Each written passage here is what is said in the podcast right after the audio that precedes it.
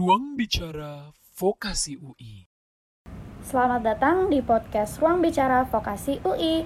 Episode kali ini, kawan Fox akan bareng aku, Bila, dan Raffi. Betul banget Bila. Akhirnya kita ketemu lagi ya di ruang bicara vokasi UI ini. Gimana nih kabarnya kawan Fox? Pada sehat-sehat kan? Jangan lupa untuk tetap patuhi prokes dan juga jangan lupa vaksin ya. Biar kondisi di tengah Oh. pandemi ini semakin terkendali. Bener kawan Fox. Kalau dipikir-pikir nih, sekarang keadaannya udah mulai terkendali ya terhadap virus COVID-19. Berbeda banget nih dengan keadaan awal pandemi di tahun 2020. Di saat nih semua keadaan kacau banget. Penambahan kasus COVID yang tinggi, banyak korban jiwa, krisis ekonomi, bahkan sampai-sampai nih, kawan Fox, banyak nih pekerja yang terkena PHK karena pandemi ini. Parah sih. Tapi ini nih, pandemi ini juga ada hikmahnya loh. Orang-orang mulai coba buat melirik potensi-potensi baru yang bisa dilakuin di rumah aja.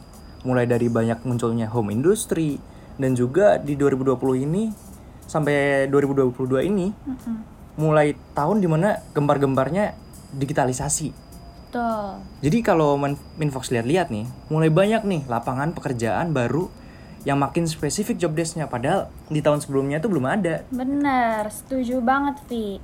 Sekarang ini nih kayak semisal pekerjaan copywriting, content creator, social media analyst, atau bahkan nih social media specialist lagi banyak-banyaknya nih bermunculan dan dicari di mana-mana sama perusahaan-perusahaan. Dan ini nih semua pekerjaan yang ditawarkan job desk-nya tuh bener-bener spesifik. Ya kayak misalnya nih contohnya copywriting yang berarti job desk-nya yang menulis. Bener-bener sespesifik itu gitu. Iya bener, tapi nih kok bisa ya? Kan pekerjaannya mau banyak ya. Tapi kok tingkat pengangguran di Indonesia masih tergolong tinggi ya? Iya juga ya. Ya itu sih hal yang aku bingungin juga sih Vi. Padahal kan lapangan baru ini sekarang mulai banyak bermunculan ya. Bener. Tapi kok masih ada aja gitu yang maksudnya angka angkanya tuh masih tergolong tinggi gitu. Iya. Dah, gini aja deh. Daripada kita bingung ya, mending kita langsung nanya ke Mbak Mila. Kebetulan banget nih kawan Fox, kita kedatangan Mbak Mila Vindasari yang akan sharing dan ngobrol bareng kita. Halo Mbak Mila, gimana nih kabarnya? Halo. Halo Bila dan Raffi, Halo, baik. Mbak. Terima kasih sudah diundang di sini. Waduh, kita Mbak yang malah justru terima kasih Mbak. gitu. Bener mbak. Oh iya, fun fact. lagi ngobrol sama ini kan? Anak muda, Iya. anak muda nih ya kan? Aduh, respect banget nih. Thank you banget nih Mbak, Mbak Mila udah datang. Oh ya kawan Fox, Uh, fun fact nih. Mbak Mila itu juga lulusan lulusan vokasi administrasi perkantoran dan sekretari. Wow. Udah tahun 1998. Dan Tua ya.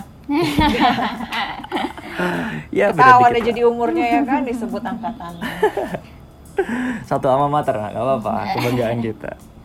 Dan beliau ini pengalamannya juga luar biasa loh kawan Fox.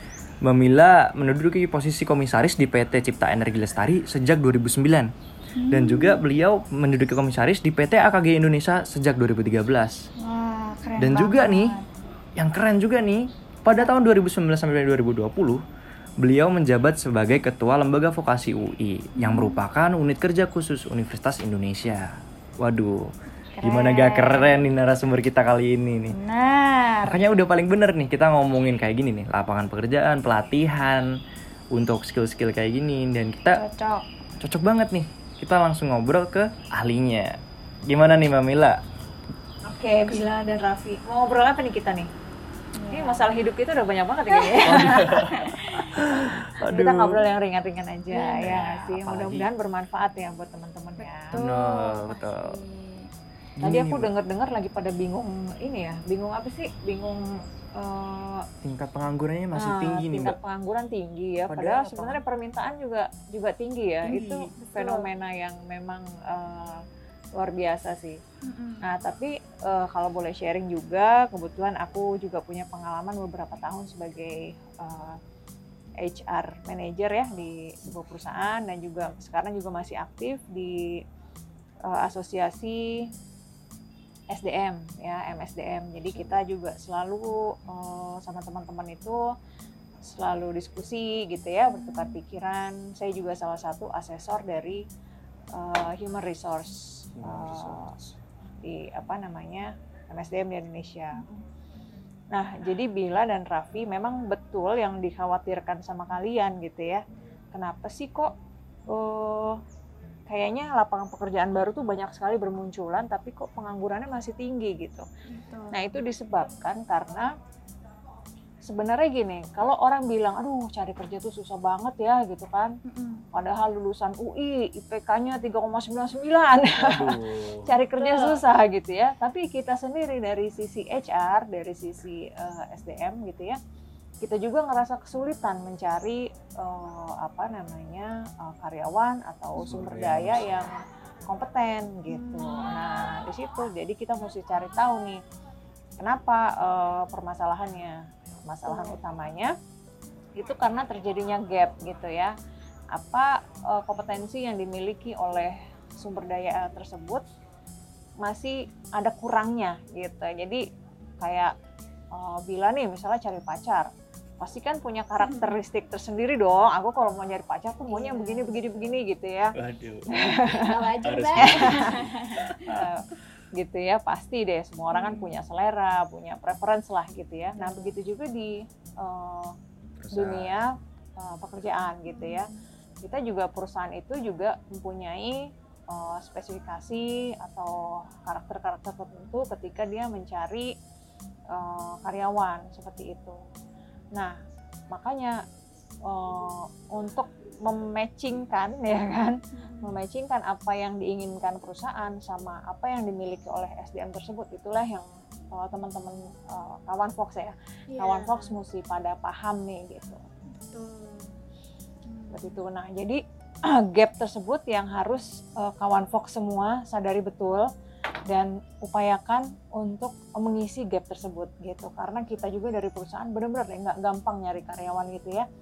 Iya. ibaratnya kadang saya tuh kalau eh, zaman dulu ya waktu jadi manajer SDM tuh kita buka satu hari lowongan kita buka itu bisa ada yang masuk tuh ratusan CV gitu dari ratusan CV itu belum tentu kita dapat 10 yang bagus Waduh, aja dari ratusan nggak sampai 10 mbak? Wah, mereksanya aja udah puyeng ya kan. Kalau bisa sekali kita buka email, sekali dapet kan enak juga gitu kan. Iya. Tapi enggak gitu. Kadang-kadang dari 100 itu yang yang bisa kita uh, tindak lanjuti itu bahkan 10. Dari 10 itu kadang-kadang nggak ada yang masuk kriteria satupun kayak gitu. Nah, jadi sebenarnya uh, apa namanya? uh, semua berpulang pada kita sendiri gitu ya. Seperti apa sih kesiapan kita ketika mau masuk ke dunia kerja karena uh, berbekal ijazah aja ternyata tidak Kurang tidak cukup kompeten. ya gitu ya Iya. seperti itu kurang lebih Betul. Jadi eh, intinya kita tuh harus kompeten ya mbak. Mm-mm. Jadi selain ijazah kita yang IPK-nya udah 3,99 tuh, udah paling jago tuh, Benar. Udah paling nah tapi Kalau- ngobrol-ngobrol soal kompeten nih ada tahu nggak nih Bila sama Raffi nih kompetensi itu apa sih?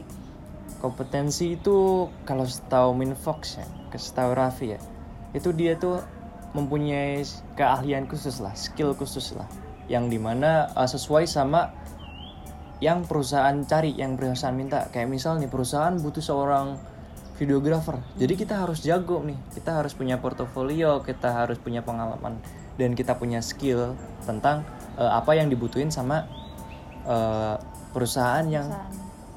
yang eh, membuka lowongan kerja kayak gitu. Bener Ah. gak sih Mbak Mila kayak gitu? 100 buat Raffi tapi aku kurangin 70 Aduh. nilai cuma 30 Cuma 30 kawan Fox. Waduh. ini penting banget nih kawan Fox harus tahu ya Benar. Kalau kita bicara tentang kompetensi, rumusnya adalah kompetensi sama dengan knowledge, sama dengan skill, sama dengan attitude. Nah, jadi kita tidak eh, apa namanya, nggak hanya knowledge-nya aja nih. Tadi ya udah 3,99, tapi skillnya kurang, berarti belum Hmm. kompeten. Anak anaknya udah pinter, skillnya jago banget nih, ya misalnya videographer tadi Raffi bilang, tapi ternyata attitude-nya kurang. Nah, itulah di situ tuh. Jadi eh, di tiga poin itu ya benar-benar memang harus lengkap semua Harus ibaratnya lengkap. seperti itu. Ya. Benar sih eh, apa yang dibilang Mbak Mila. Bahkan kadang attitude itulah yang suka jadi apa ya eh, sulit gitu. Kalau untuk anak-anak sekarang kan mungkin Iya sih. suka kemis kadang-kadang. attitude itu gitu. Apalagi kondisi kita kuliah online, terus ya. online, Nah, iya. Benar. Ya kan, dosennya lagi ngomong, ditinggal eh, maskeran ya.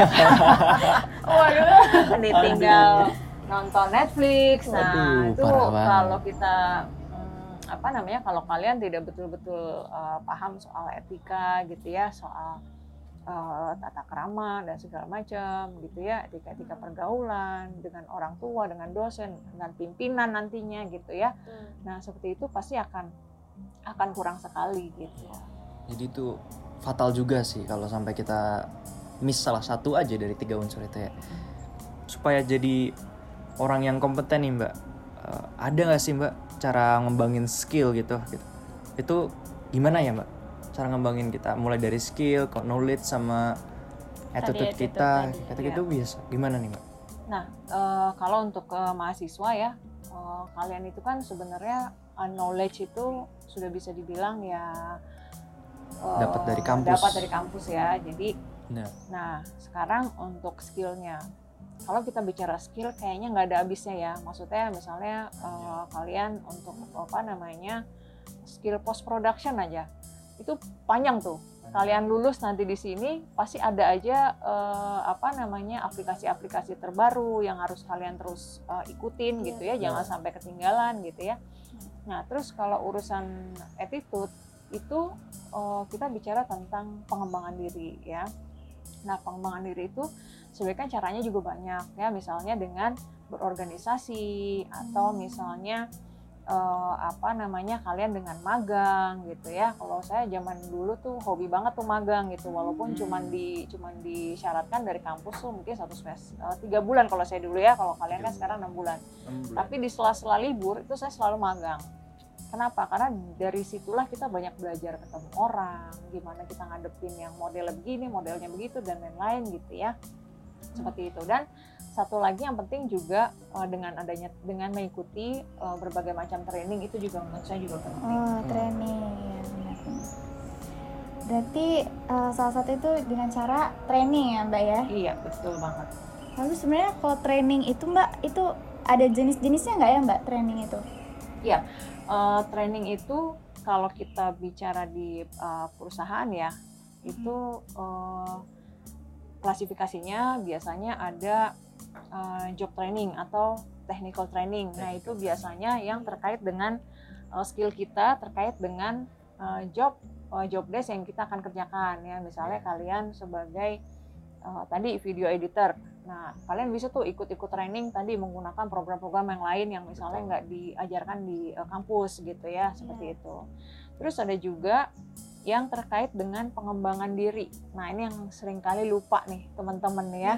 Jadi ini terkait dengan interpersonal atau problem solving training. Itu juga kan penting ya, walaupun misalnya nih seorang videographer itu kan eh, di lapangan kan dia nggak hanya ketemu dengan alat doang, nggak ketemunya nggak ketemu sama komputer sama kamera doang kan, tapi dia gimana cara dia harus punya hubungan eh, apa bisa menjalin hubungan baik dengan rekan kerja di kantor, dengan vendor misalnya kamu di perusahaan, dengan apa namanya talent apa segala macam. Nah seperti itu, itu biasanya terkait ada komunikasi dan segala macam banyak ya. Terus juga problem solving. Jadi ada eh, training-training yang mengajarkan gimana sih kalau kita menghadapi persoalan A, B, C dan dan seterusnya gitu. Jadi lebih ke cara berpikir seperti itu. Ya. Terus juga ada juga eh, apa namanya tentang kalau di perusahaan itu ada juga perusahaan-perusahaan yang memang eh, betul-betul memikirkan SDM-nya dia biasanya bikin regular training gitu. Tentang apa aja gitu ya. Misalnya contoh eh, mereka eh, bikin survei dulu wah ternyata di perusahaan kita nih bahasa Inggrisnya kurang. Nah, akhirnya mereka bikin tiap seminggu sekali karyawan diikutkan untuk eh, apa namanya eh, training bahasa Inggris seperti itu jadi banyak macam sih sebenarnya Banyak training. ya Mbak ya Ya. ternyata ya. ya macam ya jadi um, mungkin kayak yang regular training tuh yang waktu kita baru masuk itu dilatih kayak sebulan gitu dulu ya mbak ya Iya betul. satu sampai tiga bulan gitu biasanya dilatih secara itu teknikal biasanya ya biasanya itu buat yang udah masuk justru. Iya, Kalau udah yang masuk. baru masuk itu biasanya eh, technical training tadi atau job training itu Oh, biasanya iya. sebulan atau tiga bulan tuh di apa namanya dikenalkan dengan sistem-sistem yang ada di perusahaan. Dengan cara kerjanya juga. misalnya cara kerjanya SOP SOP ap- apa saja yang ada di perusahaan seperti itu. Nah kalau sudah masuk biasanya baru eh, nanti perusahaan mengadakan analisa tadi ya kebutuhan dari training itu karyawan itu seperti apa. Nah tapi sebenarnya eh, gaya-gaya yang diterapkan di perusahaan itu juga kita bisa terapkan buat diri kita sendiri nih. Gitu. Jadi uh, Raffi uh, Bila sebenarnya bisa mengevaluasi diri kan? Apa sih sebenarnya oke okay nih udah lulus D3 misalnya uh, penyiaran gitu ya. Iya. tapi selain di technical urusan penyiaran apa sih kira-kira uh, yang bisa mensupport apa namanya karir kalian? Misalnya contoh oke oke nih kalau ngambil public speaking bahasa Inggris Oh. atau misalnya oke nih kayaknya kalau ngambil uh, English writing apa segala macam gitu. Jadi uh, itu kita bisa terapkan di diri kita ya bahkan saya sendiri pun uh, masih hobi ikutan training gitu ya jadi namanya belajar itu nggak ada nggak ada. Nggak ada habisnya, ya, iya. gitu. bahkan Wow. misalnya contoh saya ikut satu uh, training tentang public speaking yang mengadakan misalnya PTX gitu ya Iya. nah kadang-kadang kalau saya lihat ada uh, materi yang apa namanya judulnya sama public speaking diadakan oleh uh, perusahaan yang berbeda dengan trainer yang berbeda dengan materi yang beda kadang-kadang saya ambil juga kan untuk memperkaya yang sebelumnya. Kayak gitu. Jadi uh, apa namanya kalau training itu menurut saya kayak buat investasi diri ya. Jadi Iya, uh, jadi apa ya harus dari kitanya sih sebenarnya gitu. Kita tuh mau mau memperkaya nggak gitu? Seperti itu. Benar. Jadi kita harus nih nih dengerin nih kawan Fox. Jadi kita harus ngulik potensi diri kita dan juga kita harus ngembangin uh, diri kita sendiri gitu. Jadi potensi diri terus juga knowledge, skill. nggak pernah puas lah untuk belajar Iya. gitu Belajar itu nggak ada habisnya dan nggak ada kata telat tuh. tuh Nih, Mbak Mila aja mbak yang Mila udah tua begini tua bangsa yang udah keren banget ini yang udah keren, masih aja ikut masih skill belajar, training training masih ikut gitu. training. Jangan mau kalah Fox jangan mau kalah. betul Jangan cuman online terus off cam, maskeran. nonton Waktu- Netflix gitu drakor ya kan waduh Waktu on cam kita. lupa hapus masker, kaget. benar terus satu lagi nih kadang-kadang eh, saya perhatikan mahasiswa itu terlalu percaya diri gitu misal contoh nih eh, banyak ya jadi pembahasan lah. Mungkin salah satu kampus misalnya UI lah gitu ya. Kita di mana eh, kalian nih memang punya nilai plus ya. Punya nilai plus ibaratnya kerupuk kuning yang ada di ijazah kalian itu aja tuh udah menjual gitu ya. Tapi jangan jangan apa terlalu percaya diri banget gitu. Karena bukannya kita nggak boleh percaya diri. Percaya diri itu bagus. Tapi bukan berarti gue udah lulusan UI nih pasti oke dong. Pasti Iya. gue diterima dong di mana mana gue mau apply segala macam. Nah itu jangan seperti itu. Karena eh, kita nggak pernah tahu kebutuhan dari apa tuh namanya ya setiap institusi pasti punya beda-beda eh, itu kan ininya ya kriteria yang mereka harapkan Tuh. Jadi kita nggak boleh over proud, kawan Hmm. Fox. Kita harus tetap low key. Waduh, udah jaksel banget nih. Udah jaksel banget nih. Jaksel banget. nggak paham ini ya istilah-istilah anak muda zaman sekarang Emang udah aneh-aneh mbak Udah kayak low key, low profile itu anak-anak jaksel banget sih. udah emang. digunakan bahasa-bahasa asing Udah campur emang. Mm-mm. Oke, tuh jadi kita harus training ngembangin diri dan kita nggak boleh over proud walaupun kita ya ada makaranya nih di ijazah, tapi kita nggak boleh over proud. Kita harus tetap rajin ikut pelatihan, ikut training supaya skill yang kita miliki dan potensi yang kita miliki itu makin maksimal. Oh, oh iya kan Mbak Mila pengalamannya udah banyak banget nih. Mbak Mila pasti pernah tahu dong bedanya orang yang udah nerima training sama belum tuh gimana sih Mbak? kelihatannya kayak apa sih Iya, bedanya gitu signifikan nggak mbak? Kayak gitu. Eh, jadi mungkin pengembangan diri itu eh, banyak hal ya tadi saya udah udah sampaikan ya dengan cara kita bergaul, kita berorganisasi, pengalaman kita dan training juga. Jadi memang eh, training itu merupakan salah satu upaya pengembangan diri kita ya, tapi masih banyak lagi hal-hal yang harus juga kalian itu ya kalian apa perkaya gitu. Ya contohnya misalnya tadi eh, pengalaman kerjanya seperti apa. Nah kalau eh, apa namanya kita ngelihat anak yang atau eh, lulusan ya lulusan dari eh, sebuah perguruan tinggi atau fresh graduate lah kelihatan memang. Yang mateng sama yang nggak mateng itu eh, biasanya lima menit ngobrol aja kita udah bisa ya, udah kita udah bisa ketahuan gitu ya. Nah karena gini, eh, apa namanya sebenarnya eh, saya juga ketemu banyak mahasiswa-mahasiswa yang hebat-hebat sekali gitu ya, di mana mereka juga eh, bisa tuh ngumpul apa ikut banyak training tanpa ngeluarin banyak biaya gitu sebenarnya gitu. Nah jadi eh, kalian ini generasi yang sangat sangat apa ya mungkin sangat eh, beruntung lah gitu ya. Karena kalian itu hidup di era digital ini tadi di awal sudah disampaikan ya apa pun kalian bisa belajar di YouTube tuh macam-macam Iya di YouTube Gitu banyak ya. banget. Sekarang lengkap banget ya mbak ya. Bener sih. bahkan pemerintah udah ngeluarin training-training gratis bahkan dibayar ya kan Iya, dengan kartu benar prakerja itu nah itu kan seperti itu Prakerja. sayang banget kalau nggak di Ikuti. kalau nggak diikutin gitu ya. Nah misal nih, misal eh, misal contoh aja, Eh, ada misalnya saya berhasil mewawancarai dua orang misalnya ya, dengan kompetensi yang sama, kurang lebih kompetensi sama, tapi eh, ibaratnya nilai sama-sama eh, 7,8 misalnya ya dari total itu ya. Bila 7,8, Raffi 7,8. Yang membedakan kenapa saya eh, bisa memilih salah satunya, yang pasti satu kan saya lihat eh, mungkin pengalaman sama-sama punya pengalaman dan segala macam. Saya juga bisa lihat tuh eh, bagaimana untuk pengembangan dirinya dia. Dia pernah ngikutin training apa aja sih? Nah, jadi sebenarnya eh, menulis eh, apa yang kalian pernah ikutin training apa segala macam itu juga menjadi salah satu penilaian nanti eh, HR yang akan me- meriksa CV kalian.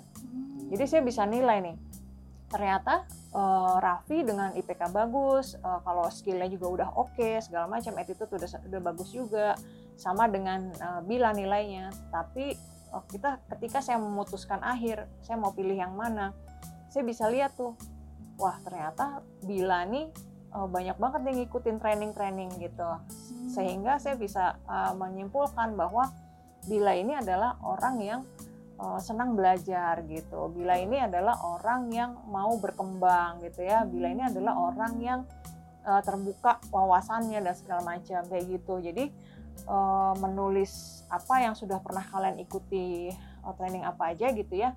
Itu juga penting karena itu poin tersendiri buat SDM gitu. Di situ juga kelihatan apa namanya uh, karakter dari dari si, uh, Si pelamar tadi. Pelamar tadi ya. Itu. Jadi training itu ternyata penting banget ya mbak ya. Nggak cuman yang kita dengerin di zoom doang terus ya dapat sertifikatnya itu ternyata nggak cuman sebatas itu. Bahkan SR pun peduli loh kita ikut training apa aja gitu. Nggak cuman formalitas lah enggak. Kita harus benar-benar tekunin dan ikut juga. Jadi nggak soal pengalaman doang, eh, knowledge doang, sama attitude itu juga. Tapi training itu ternyata mempengaruhi hasil akhir dari eh, pemilihan yang dilakukan oleh HR. Betul. Maksudnya pengaruhnya sangat besar juga gitu Iya, ya. penting banget ternyata. Sangat penting gitu. Mungkin kawan Fox yang merasa ah biasa aja nih Iya, training-training makanya. doang. Itu nggak bisa dikesampingkan ternyata kawan Fox. Ternyata sepenting itu untuk Penting pemilihan banget. karyawan gitu pekerja. Iya, pantas loh. Kem- eh, belakangan ini walaupun kita zoom ya, itu Banyak banget jurusan ya. kita banyak iya, yang kayak kuliah umum itu Iya, dia datengin dosen tamu, kita ngobrol-ngobrol bareng orang-orang keren gitu. dapat Iya. sertifikat. Dapat biasanya. sertifikat. Iya. Nah satu lagi ya sebenarnya kalau kalian ikut training itu di situ eh, kesempatan besar kalian untuk apa namanya eh, minta saran dari trainernya gitu kan ya. Kayak misalnya Pak saya eh, atau Bu oh, saya punya pengalaman seperti ini ini ini gimana ya? Nah gitu. Jadi ibaratnya kalian udah bisa konsultasi gratis tuh tentang apa Iya. yang kalian hadapin kan gitu ya. Nah itu kan kesempatan langka juga gitu Iya, ya walaupun benar. kayak misalnya ah, misalnya di kampus ya kita juga bisa seperti itu sama dosen ya. Tapi kan memperkaya juga kan kalau Benar. misalnya langsung seperti apa. Misal contoh nih ada training eh, misalnya untuk menuliskan CV dan interview eh, apa namanya interview kerja misalnya gitu.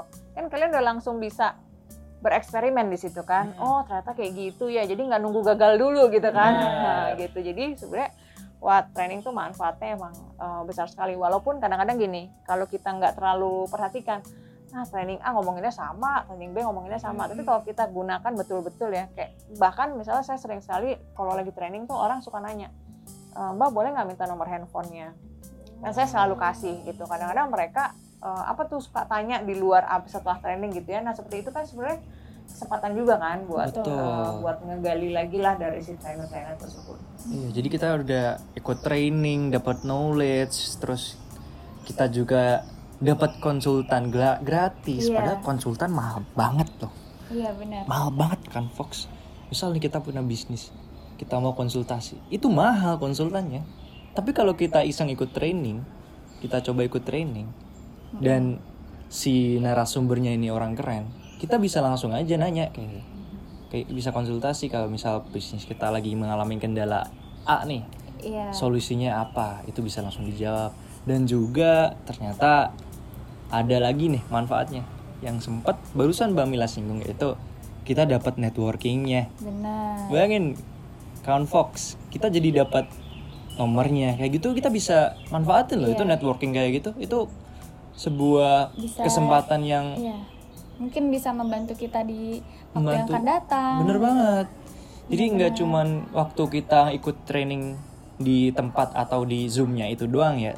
Dan setelah itu kita bi- bisa ngerasain manfaatnya. Mulai dari tadi tuh waktu kita ngeplay itu jadi juga jadi salah satu eh, hal yang dipertimbangkan oleh HR dan kita dapat knowledge kita dapat network networking. Mm-mm.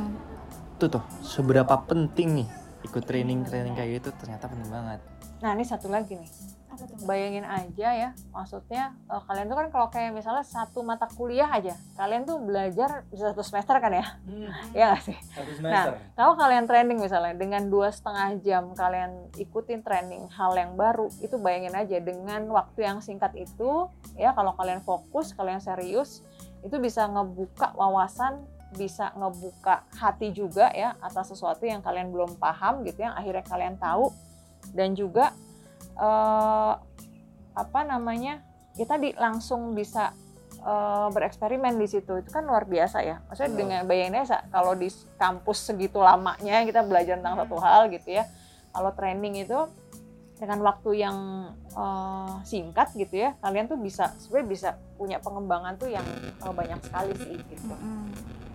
Betul banget tuh. Gimana nih kawan Fox? Udah tercerahkan belum nih buat ikut-ikut training nih? Jadi Udah. training tuh bukan webinar yang kita tinggal tidur terus ngisi absen, on cam cuman waktu absen doang tuh jangan.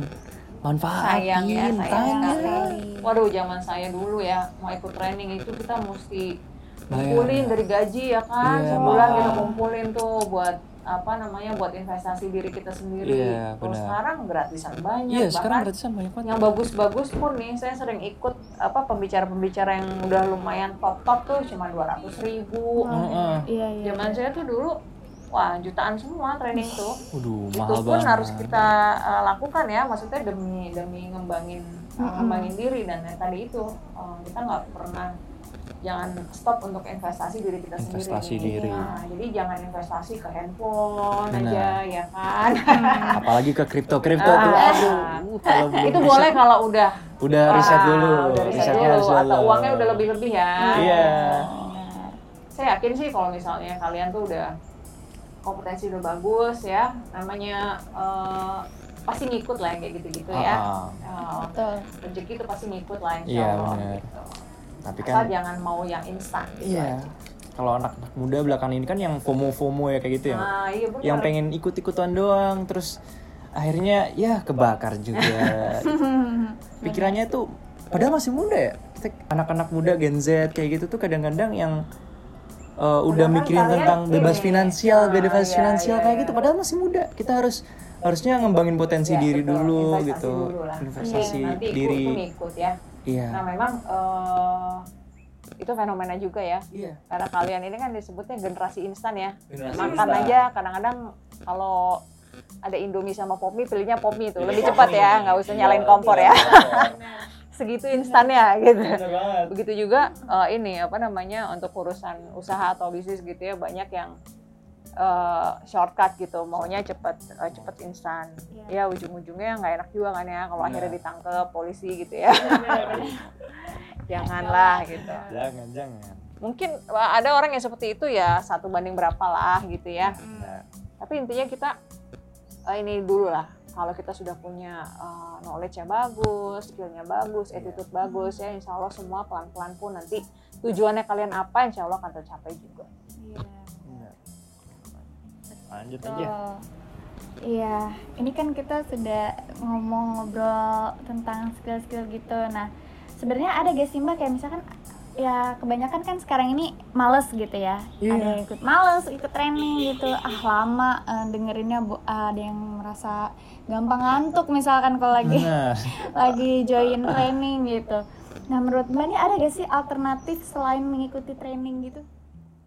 Nah, eh, kalau menurut saya sih pengembangan diri itu ya itu tadi ya. Mungkin ada nih ada anak-anak yang eh, dia belajar itu mungkin secara langsung. Kayak misalnya gue mendingan eh, ikut magang aja deh yang banyak misalnya gitu ya. Jadi bisa magang di perusahaan A, perusahaan B. Oh di sana punya sistem ini sini punya sistem ini. Itu pun juga oke juga.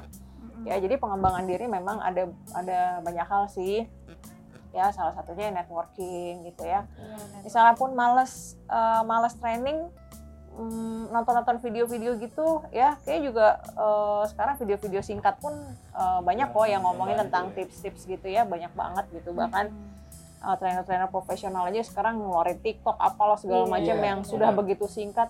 Masih ya masih males juga sih udah kayak gitu. Udah segitu mudahnya gitu ya waduh. Ke laut aja deh kayaknya tuh ya kalau udah ya nggak nggak ada yang pil ditelan terus langsung oh langsung jago gitu. Nggak ada ya kalau ada sih juga mau beli sih. Mau juga saya ya. benar, benar. Berarti emang training ya mbak yang Salah satu paling yang efektif, Ya, yang jadi, paling aman. eh, lah. bisa dengan training tadi ya kalau networking itu juga eh, juga apa namanya eh, developing kalian punya kepribadian terus kayak gitu magang ya cari cari kesempatan atau pengalaman yang seluas-luasnya lah gitu. Jadi jangan jadi mahasiswa tuh jangan kupu-kupu ya. Kuliah pulang kuliah pulang ngerjain tugas gitu ya ngejar IPK pokoknya ambis banget ya harus Iya. 3,99 umur habis waktu habis akhirnya tidak punya pengalaman apa-apa. Nah itu yang sering kali saya sayangkan ketika kita memeriksa CV ataupun mewawancarai gitu ya. Eh, nilainya bagus, terus dia bilang di situ saya adalah seorang yang pekerja keras, mau belajar hal baru, apa-apa segala macam ya. Tapi kalau kita lihat di CV-nya itu nggak nggak seperti apa yang dia bilang gitu. Misalnya Raffi bilang di CV saya adalah seorang yang pekerja keras, tapi saya lihat di CV-nya nggak pernah kerja di, di organisasi, nggak pernah bikin project, nggak pernah eh, ya magang juga hanya karena terpaksa dari kampus gitu ya. Nah itu berarti kan nggak ada benang merahnya. Benar. Akhirnya orang jadi nggak yakin dong sama kita.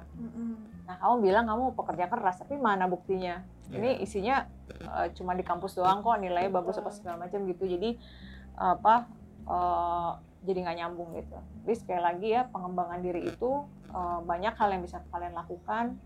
Misalnya nih, dengan mentoring aja itu juga bisa pengembangan diri ya. Maksudnya mentoring itu gimana sih? Misalnya contoh ketika nanti kalian masuk di sebuah perusahaan itu kita bisa cari mentor gitu. Kita bisa deketin orang yang kira-kira ini orang kayaknya enak nih untuk Ya, eh, jadi mentor ya. Maksudnya pengalamannya banyak juga. pengalaman banyak, terus orangnya mungkin senang ngajarin orang atau Hmm. apa namanya sabar, bisa diajak diskusi, ya itu aja sebenarnya banyak belajar banget loh. Apa namanya kita dari senior senior kita seperti itu. Nah misalnya contoh ya, eh, misalnya kalian eh, dari penyiaran multimedia gitu ya, Iya. orang udah tahu nih skillnya kira-kira apa apa apa apa.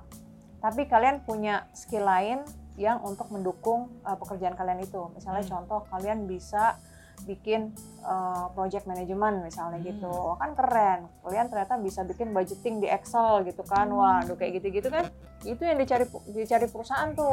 Perusahaan tuh se- sebenarnya intinya kalau bisa pekerjaan lima orang dikerjain sama satu orang tuh lebih bagus ya.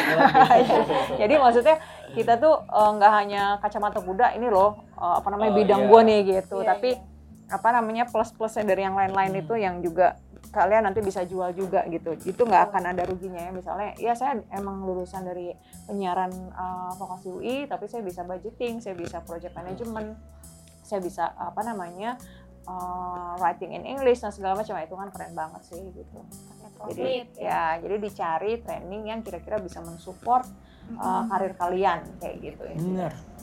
Jadi kalau dalam pengembangan skill itu kayak pattern skill T sama M ya mbak ya. Yang kalau T itu yang dia ngerucut satu tajam gitu. Tapi dia jago banget tuh. Tapi yang dia tahu cuma dua garis itu. Eh, T kan cuma lurus sama eh, jadi atasnya itu. Kalau nge M kan dia banyak tuh dia patternnya. Kayak ke atas ke bawah ke atas ke bawah dia taunya banyak. Gitu. Tapi kita harus dalam juga. Gitu. Intinya harus perkaya diri lah. Perkaya diri bukan nggak selalu soal eh, harta lah ya bukan soal duit ya. Kawan Fox jadi kita harus perkaya diri soal eh, knowledge sama pengalaman juga gitu. Sama. Attitude gitu. juga Attitude juga tadi. penting. Gitu. Dan mungkin kita udah cukup lama ya nggak kerasa ya kita udah kita nggak stop stop dua hari. Saking serunya saking ya. serunya dan emang kalau Mila ini. ngomongin skill itu nggak ada habisnya Iya, benar dari awal mbak Mila aja udah sempat nyinggung nih kalau skill tuh pa- panjang banget kalau dibahas gitu. Bakal gak ada habisnya. Dan ini udah nggak kerasa udah 30 menit lebih nih kawan Fox kita ngobrolin tentang pentingnya pelatihan dalam pengembangan skill. Iya betul. Oke. oke mungkin gitu dulu kali ya gitu Segitu dulu Iya. kali ya. terima kasih banyak ya Makasih banyak Mbak Terima Mila. kasih banyak Mbak Mila. Iya, udah ngeluangin. Amin, amin. Iya, Pak. Harus bermanfaat lah pasti. Makasih ya Mbak Mila udah ngeluangin waktunya buat sharing dan ngobrol bareng kita nih. Thank you banget. Makasih Iya, juga. Makasih banyak Mbak Mila nih ya dan sukses sehat selalu Amin, untuk Mbak. Mila. Sukses juga buat ya. Amin. Tentunya jadi kita bisa bertemu lagi di lain kesempatan ngobrol-ngobrol lagi gitu. Bener Oke. Pak, pasti. Waduh, keren banget ya Mbak Mila nih kawan Fox. Ilmunya, pengalamannya, dan satu lagi nih yang ditambahin, attitude-nya dan Iya. knowledge-nya itu udah wah pokoknya keren dah. Keren Top. banget, bener banget. Benar-benar bisa jadi contoh yang sangat fenomenal gitu ya Iya, buat kawan Fox ini. harus, Jadi uh, pastinya kan Fox juga setuju gitu. Semoga nih uh, obrolan-obrolan kita kali ini episode ruang bicara vokasi kali ini bisa bermanfaat ya dan pastinya nih diterapkan juga gitu. Oke, itu dia nih ruang bicara vokasi hari ini. Aku Bila. Dan aku Raffi. Kita pamit undur dulu dulu ya. Yo, terima kasih kawan Fox. Sampai, Sampai jumpa di podcast Ruang Bicara Vokasi UI selanjutnya. Dadah. Dah.